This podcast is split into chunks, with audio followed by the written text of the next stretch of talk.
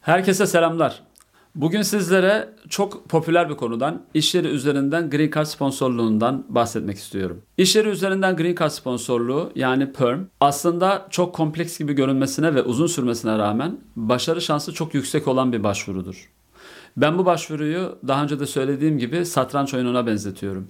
Siz bir hareket yapıyorsunuz, devlet bir hareket yapıyor ve netice itibariyle bu oyunu kazanmaya çalışıyorsunuz. Başarı istatistiği çok yüksek olduğu için uzunca sürmesine rağmen eğer fırsatınız varsa mutlaka yapmanızı tavsiye ettiğim bir başvuru. Aslında bu konuyla ilgili ben YouTube kanalımda bir tane video çekmiştim ve bu video kanalın en çok seyredilen videolarından bir tanesi oldu ve benimle irtibata geçen takipçilerim bu videodan çok istifade ettiklerini söylediler.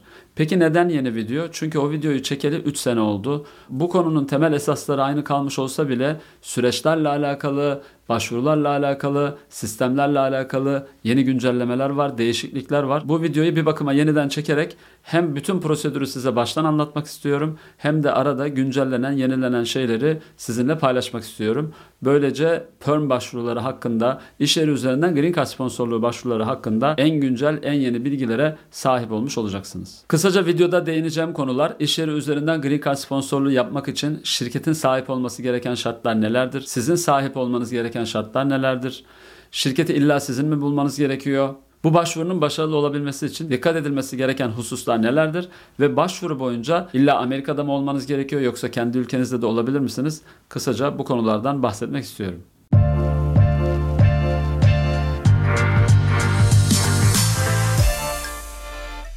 Başvurunun birinci şartı bu başvuru sizin için yapacak bir şirket olması. Bu şirket Amerika'da kurulu bir şirket olması gerekiyor. Sahibinin illa Amerikalı veya Green Card sahibi olması gerekmez. Mesela sahibi bir başka ülkenin vatandaşı da olabilir. Aslında kanun açıdan baktığınızda size mutlaka bir iş yerinin sponsor olması gerekiyor. Zaten bunda da bu şart var aslında bir iş yeri sponsor oluyor.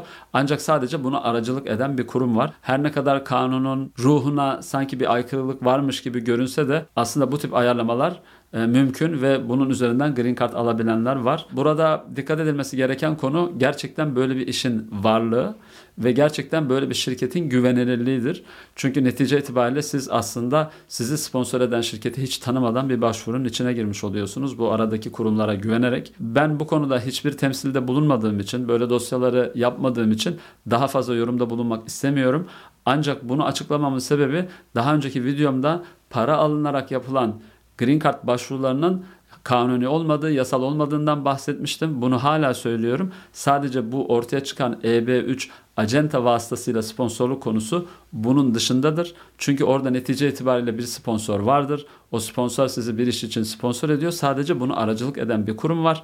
Bu onunla aynı konu değil. Farklı bir konuydu benim kastettiğim konu. Mesela bir iş yeri sahibinin haberi olmadan başvuru yapmak veyahut da o iş yeri sahibine bir para ödeyerek sırf bana green card al diye başvuru yapmak bunlar tamamen kanun dışıdır. Bu ikisinin arasındaki farkı böylece ayırt etmiş olmak için bu açıklamayı yaptım. Biz bu konu hakkında servis vermediğimiz için daha fazla yorum yapamıyorum. Bu metot üzerinden green card alanlar da var. Bu metot üzerinden mağdur olanlar da var. O yüzden herkesin kendi kendine karar vermesi gereken bir süreçtir. Benim tavsiyem eğer kendi sponsorunuzu bulabiliyorsanız kendi sponsorunuz üzerinden green card başvurusu yapmaktır. Peki şirketin başka ne tip özelliklere sahip olması lazım? En azından birkaç kişi çalıştırıyor olması, en azından şirketin bir veya iki tax return yani vergi beyannamesinin çıkmış olması bu şirketin iyi bir green card başvurusu yapıp yapamayacağını anlamak açısından önemlidir. Çünkü şirketin green card pozisyonu için gereken maaşı ödeyebilecek konumda olması gerekiyor. Bundan daha sonra tekrar bahsedeceğim. Green card başvurusu için ikinci şart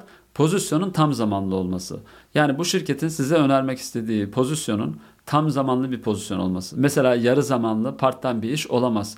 O şirkette haftada en az 35-40 saat çalışma gerektiren bir iş olması gerekiyor. Bu genellikle çok büyük bir problem değil. Çünkü her şirkette full-time pozisyonlar mevcut. O yüzden bu sadece part-time iş önermeyi teklif eden veya senenin sadece belli bir döneminde iş teklif etmeyi öneren şirketler için bir problem olabilir.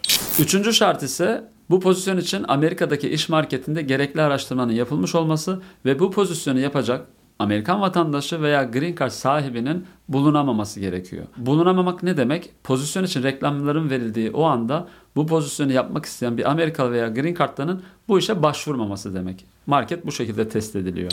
Bu başvuru için son şartta kendisi için başvuru yapılan kişinin bu pozisyonun gerekliliklerini yerine getirebilmesi. Düşünün siz bir pozisyon için üniversite derecesi artı 2 yıl iş tecrübesi istiyorsunuz. Eğer baş kendisi için başvuru yapılan kişide üniversite derecesi artı 2 yıl iş tecrübesi yoksa o zaman bu kişi bu işe uygun değildir deniyor. Dolayısıyla bu da en başta karar verilmesi gereken bir durumdur. Pozisyonun gerekliliklerinin kendisi için başvurulan kişi de bulunması. Burada bazen eğitim konusu, tecrübe konusu gündeme gelebiliyor. Eğitiminizin illa Amerika içinde olması gerekmez. Çalışma hayatınızın illa Amerika içinde olması gerekmez. Eğitim ve çalışma şartlarını Amerika dışında çalışarak da okuyarak da sağlayabilirsiniz. Peki diyelim ki böyle bir şirket çıktı size sponsor olmak istiyor. Şirketin vergi beyannamelerine baktık, pozisyona baktık. Bu olabilir diye düşündük. Bundan sonra süreç nasıl ilerliyor? Burada işte tam da satranç oyunu dediğimiz şey başlamış oluyor. Öncelikle şirkette bir pozisyon oluşturuluyor ve bu pozisyon için Çalışma Bakanlığı'ndan bir maaş sisteminde bulunuyor. Bu sadece Green Card başvurularına özgü bir sistemdir. Bu pozisyonun maaşını siz kendi kendinize belirleyemezsiniz. Pozisyon budur, coğrafi lokasyonu budur. Lütfen bize bunun maaşını bildirir misiniz dersiniz. Çalışma Bakanlığı'na bu online yapılan, internet üzerinden yapılan bir başvurudur. Çok önemli bir formdur bu form. Bu formda girdiğiniz her şey daha sonra başvurunuzu da etkileyecektir. Dolayısıyla çok ciddi bir şekilde ele alınması gerekir. Şu anda Çalışma Bakanlığı'nın bu tip maaş sistemlerine geri dönmesi 7-8 ay civarında sürüyor. Çalışma Bakanlığı maaşı belirledikten sonra bu sefer reklam kampanyası dediğimiz bir süreç başlıyor. Bu reklam kampanyasında değişik ilanlar verilerek Amerikan vatandaşı veya green card sahibi olan kişilerin pozisyona başvurmaları talep ediliyor. Bu aşamada değişik kaynaklarda mesela gazetelerde, radyolarda ilanlar verilerek kişilerin bu pozisyona başvurup başvurmayacağına bakılıyor. Amaç ne? Amerikan vatandaşı veya green card sahibi olup pozisyonu gerekliliklerini yerine getirebilecek kişiler bu işe başvuruyor mu başvurmuyor mu onu tespit edebilmek. Reklam kampanyası bittikten sonra 30 günlük bir mecburi bekleme süreci var. Bu süreç içinde bu pozisyona gelen başvurular değerlendiriliyor.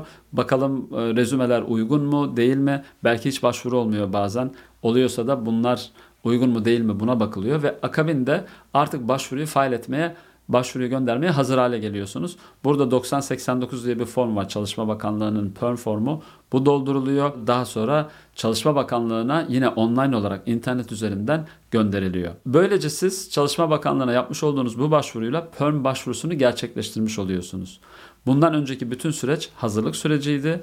Bundan sonra PERM'ün içeriye verilmesiyle sizin süreciniz o tarih itibariyle PERM başvurusunun içeriye verildiği tarih itibariyle başlamış oluyor. Böylece PERM'e kadar geçen sürenin aşağı yukarı 1-2 ay hazırlık, 7-8 ay prevailing wage determination ve akabinde en az 2 aylık reklam süreci olduğunu düşünürseniz başvuruyu fail etme aşamasına gelmeniz aşağı yukarı 10-12 ay arasında sürebiliyor. Burada Özellikle prevailing wage determination maaş belirlemenin çok uzun zaman alması nedeniyle sorulan bir soru var. Early recruitment dediğimiz adım atılabilir mi? Yani maaş ortaya çıkmadan önce erken bir reklam kampanyası yapılabilir mi? Bu zaman kazandırır mı? Bunun avantajları var. Gerçekten en az 1-2 ay kazandırabilir size.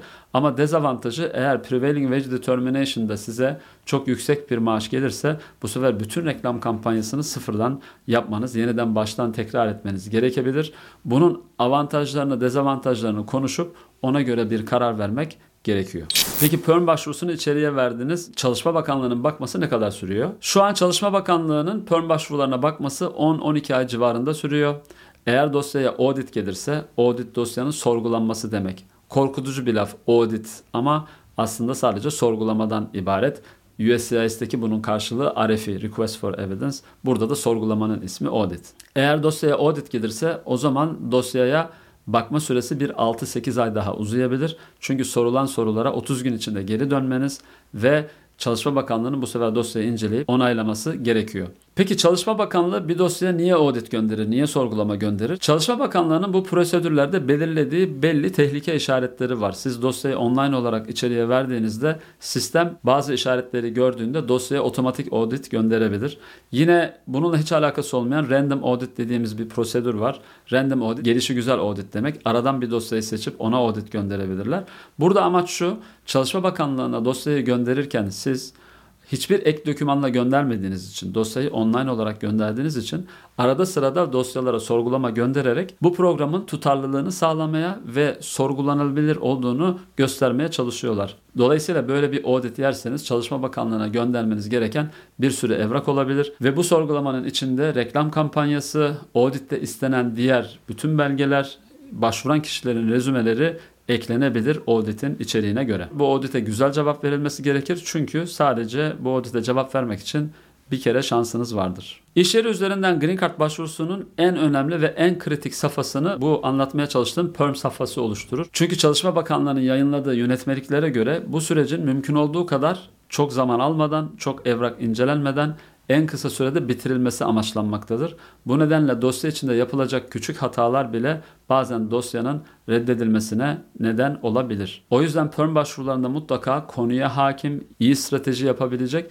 ve sizi neticeye ulaştıracak, başarıya ulaştıracak adımların atılması gerekir. Peki Çalışma Bakanlığı PERM dosyasını certify etti. Artık elimizde kabul edilmiş bir PERM var. Şimdi ne yapıyoruz? Benim müvekkillerime söylediğim şey e, Perm eğer onaylandıysa, kabul edildiyse 2-3 gün hiçbir şey yapmıyoruz. Tadını çıkartalım. Ondan sonra ikinci ve üçüncü adımları konuşuruz diyor. 140 safhasında şirket göçmenlik bürosuna e, finansal dokümanlarını, tax returnlerini, banka ekstrelerini ve buna benzer başka finansal dokümanlarını gönderir. Yine kendisi için başvuru yapılan kişi tecrübe mektuplarını, diplomalarını, varsa sertifikalarını gönderir. Pozisyon ne gerektiriyorsa onun kendisinde olduğunu gösteren evraklardır bunlar. Geliyorum Green Card başvurusunun 3. safhasına. Bu 3. safha eğer siz Amerika içindeyseniz I-485, I-485.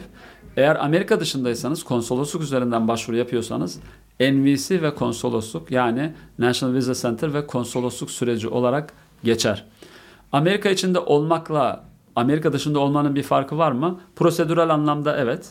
Bir de Amerika içindeyseniz bu başvuruyu 485 başvurusunu Amerika içinde yapabilmek için o güne kadar statünüzü devam ettirmiş olmanız gerekiyor. Başvuruların çoğu 485 şeklinde yapılır. Yani Amerika içinde statü değişikliği şeklinde yapılır. Peki 485 fail etmenin veya NVC üzerinden konsolosluk görüşmesi almanın zamanlaması nedir? İşte diyebilirim ki son yıllardaki en büyük değişiklikler daha çok bu konu üzerine. Çünkü burada önemli olan şey vize numaralarının available olması, vize numaralarının açık olması kavramına dayanıyor. Vize numaralarının açık olması ne demek? Onu başka videolarda anlattım. Buraya da linklerini bırakırım. Onu ayrıca seyredebilirsiniz. Ancak vize numarasının açık olması kısaca sizin için başvuru yapılan kategoride şu anda size verilebilecek Green Card numaralarının hazırda olması demektir. Eğer o anda sizin kategorinizdeki numaralar tükendiyse veya bunlar geriden geliyorsa bu sefer sıraya girip siz de sıranızın gelmesini beklemelisiniz. Peki sıraya hangi tarihte girmiş sayılıyorsunuz? Bu perm başvurusunda sıraya girdiğiniz tarih Labor Certification'ın fail edildiği tarihtir. Yani ilk safhada anlattığım perm başvurusunun içeriye sunulması, 9089'un fail edilmesi sizin priority date'inizi oluşturacaktır. Ve siz vize bülteninde bu priority date'e bakarak sıranın size ne kadar çabuk geleceğini anlayabilirsiniz. Burası çok teknik biliyorum ve bu videoda bunun detayına giremeyeceğim. Ama iş yeri üzerinden yapılan Green Card başvurularında vize bülteni nasıl okunur diye ayrıca bu işi detayına girerek anlattığım bir video var. Onu seyretmenizi tavsiye ederim. Bu videodaki konuları toparlamak için şöyle bir varsayımda bulunalım. Diyelim ki vize numaralarınız henüz açık değil.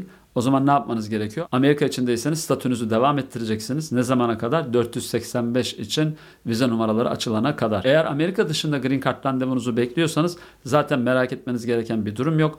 NVC dokümanları toplayacak ve vize numaraları açık hale geldiğinde konsolosluk üzerinden size mülakat verilecek. Bu vize numaralarının açık olup olmaması konusunda vize kategorilerinin önemi var. Şimdi PERM üzerinden yani iş yeri üzerinden yapılan bir Green Card başvurusunda sizin temelde iki tane kategoriniz olabilir. EB2 veya EB3. Pozisyon master derecesi veya üniversite derecesi ve 5 yıl iş tecrübesinin üzerinde bir şey gerektiriyorsa o zaman buna EB2 kategorisi diyoruz. Biraz daha çok eğitim ve tecrübenin gerektiği pozisyonlar. Bunlar EB2 kategorisinde bugünlerde bu dosyalar biraz daha hızlı ilerliyor. Her ne kadar current dediğimiz şu anda vize numarası olmasa da biraz daha hızlı ilerliyorlar. Bir de EB3 veya EB3 diye bir kategori var. Bu kategoride de bunun aşağısında olan eğitim ve iş tecrübeleri. Bu kategori de kendi içinde ikiye ayrılıyor. Bir tanesi 2 yıl ve üzerinde iş tecrübesi gerektirenler, öbürü de 2 yıl ve altında iş tecrübesi gerektirenler. Mesela üniversite derecesi istediniz, 2 yıl iş tecrübesi istediniz. Bunların hepsi EB3 profesyonel denen kategoriye giriyor. 2 yılın altında tecrübe istediğiniz veya hiç tecrübe istemediğiniz, hiçbir eğitim istemediğiniz bütün dosyalarda other workers yani diğer çalışanlar kategorisine giriyor. İşte profesyonel işçiler biraz daha iyi vize numaraları açısından. Other workers dediğimiz diğer işçiler çok bekleyen kategori içinde Biraz önce sözünü ettiğim bu acentalar üzerinden yapılan EB3 dosyaları işte tam bu kategoriyi oluşturuyor. Şu anda bu kategoride bekleme süresi çok uzun. Bu söylediklerim bu videoyu yaptığım tarih itibariyle geçerli. İlerleyen zamanlarda bununla ilgili tabii ki değişiklik olabilir. Ama son 6 aydır 12 aydır aşağı yukarı bu trendi gözlemliyoruz. Peki bu 485 safhasında veya konsolosluk üzerinden yaptığımız NVC safhasında neler sunuluyor, nelere dikkat edilmesi gerekiyor? Bu tamamen kendisi için Green Card başvurusu yapan kişinin Amerika içindeyim benim statümü alın F1'dan, H1'dan, B2'den Green Card'a dönüştürün veya konsolosluğa başvuru yapan kişi için bana Green Card verin ben Amerika'ya gideceğim başvurusudur. Bu başvuruyu tamamen kendiniz yapıyorsunuz. İstenen dokümanlar da tamamen sizinle ve şahsınızla ilgili dokümanlar. Nüfus kayıt örneği gibi, sabıka kaydı gibi, evlilik cüzdanı gibi. Çok sorulan sorulardan bir tanesi ailemi ne zaman dahil edebilirim dosyanın içine? İşte tam bu üçüncü safhada. Üçüncü safhayı içeriye vermeden önce evlendiğiniz sürece ve üçüncü safhaya eşinizi dahil ettiğiniz sürece kendisi de sizinle beraber Green Card alabilir. İlk iki safhada evli olmasanız bile. Yine eşlerin yanı sıra 21 yaş altı çocuklarınız da sizinle beraber green card alabilirler. Vize numaralarının available olduğu zamanlarda yani vize numaralarının açık olduğu zamanlarda 140 ve 485 başvuruları bir arada fail edilebiliyor. Bunu da unutmadan söylemek isterim. Eğer dosya Amerika dışında yapılıyorsa 140 kabul edilmeden bir sonraki safhaya geçemiyorsunuz. Ama dosya Amerika içinde yapıyorsanız vize numaraları sizin kategorinizde açıksa 140 ve 485'i birlikte içeriye verip çok büyük bir zaman kazanabilirsiniz. Amerika içinde dosya yapıldığında 485 içeriye verildiğinde başka bir avantaj da seyahat izni ve çalışma izni başvurusunun yapılabilmesidir. 485 başvuruları şu anda 12 ile 18 ay arasında sürdüğü için bazen bir seyahat izni ve çalışma izni başvurusu yapıp bu seyahat ve çalışma iznini önceden almak çok büyük bir avantaj sağlayabiliyor. Daha erken çalışabiliyorsunuz, daha erken seyahat edebiliyorsunuz. Bu çalışma izni ve seyahat izninin gelmesi genellikle Green Card'ın gelmesinden çok daha kısa bir zaman sürüyor. Bir zaman vermek istemiyorum çünkü çok değişken. Bazen 6 ay sürüyor, bazen 12 ay sürüyor. 12 ayı geçtiği de olabilir. Ancak çalışma izni ve seyahat izni 485 başvurusuyla beraber yapılabilen bir başvurudur. Amerika dışında NVC üzerinden, konsolosluk üzerinden başvuru yapmak isteyenler için böyle bir süreç söz konusu değil. Onlar çalışma izni ve seyahat izni alamıyorlar. Onlar direkt Green Card alıp Amerika'ya geliyorlar. Peki Green Card aldıktan sonra o şirket için çalışmanız gerekiyor mu? Evet tabii ki mutlaka çalışmanız gerekiyor. Sizin için Green Card başvurusu yapan şirketin sayesinde Amerika'ya gelmiş oldunuz. Onlar için çalışmanız gerekiyor ve en azından makul sayılabilecek bir süre o şirkette çalışmanız şart. Çok sorulan sorulardan bir tanesi de EB2, EB3 hangisi daha iyi benim için? İnsanların bir EB2'ye geçme arzusu var. EB3 çok uzun sürdüğü için. Bununla ilgili şunu söyleyebilirim. Önemli olan Green Card başvurusunun kabul edilmesidir. Kategorinin hangisi olduğu başvurunun ne kadar süreceğiyle alakalı bir konudur. Dosyanın başarılı olması kategoriyle ilgili bir konu değildir. Dolayısıyla sizinle yapılacak strateji hem kısa süren bir başvuru olması hem de aynı zamanda başarıya ulaşacak bir başvuru olmasından geçer. Bu ikisi bir arada değerlendirilerek dosyanız hakkında bir strateji yapılması gerekir. Bazen takipçilerimizden şöyle sorular geliyor. Amerika'da bir akrabam yaşıyor. Amcam, dayım, teyzem, kuzenim, hısım, akraba. Yani bir akrabalık var, bir tanışıklık var. Ee, bizim için ne yapabileceklerini soruyorlar. Bu kişiler çoğu zaman yakın bir aile ilişkisi olmadığı için aile üzerinden yapılacak Green Card başvurularını yapamıyorlar. Ancak PERM başvurusu onların yapabileceği bir başvuru olabilir. Özellikle kendi şirketleri olan, bu şirketlerinde uygun bir pozisyon olan ve sizi Amerika'ya getirmek isteyen kişiler kendi şirketler üzerinden bir perm başvurusu yaparak sizi Amerika'ya getirebilirler. Biraz önce saymış olduğum bütün şartların geçerli olması lazım. Uygun bir pozisyon olmalı, şirket uygun olmalı, o pozisyon o şirkette bulunmalı ve siz bu şartları yerine getirebiliyor olmalısınız. Ancak çok duyduğum bir şehir efsanesi Aile üyelerine green card başvurusu yapılmaz, perm olmaz. Bu doğru değil. Defalarca yaptım. Hepsi kabul edildi. Bunun doğru bir şekilde yapılması ve stratejisinin iyi bir şekilde düzenlenmesi satranç oyununun iyi oynanması gerekiyor diye bunu özetleyebilirim. Bugün sizlere kısaca Amerika içinde bir şirket üzerinden yapılan Green Card başvurusu ile ilgili detayları anlatmaya çalıştım. Bunu yaparken de mümkün olduğu kadar güncel bilgileri aktararak bugünün dünyasında perm başvurusu aşağı yukarı nasıl ilerliyor, nasıl oluyor bunun hakkında bilgi vermeye çalıştım. Bu konuyu daha fazla merak edenler benim ilk yaptığım perm videosunu ve aralarda yapmış olduğum Perm'i H1'la karşılaştırdığım videoyu, Perm hakkında en çok sorulan sorulara cevap verdiğim videoyu da seyredebilirler. Sizin için Perm sponsorluğu yapmak isteyen bir şirket varsa Veyahut da siz şirket sahibiyseniz ve bir kişiyi green card alarak Amerika'ya getirmek istiyorsanız bizimle irtibata geçebilirsiniz. Sizin için en uygun olan stratejiyi birlikte hazırlayabiliriz. Umarım videoyu beğenirsiniz. Sorularınız varsa yorumlar kısmında benimle paylaşabilirsiniz. Lütfen videoyu beğenmeyi unutmayın. Unutmayın ki ihtiyacı olan diğer kişilere de ulaşsın. Bir sonraki videoda görüşmek üzere. Hoşçakalın.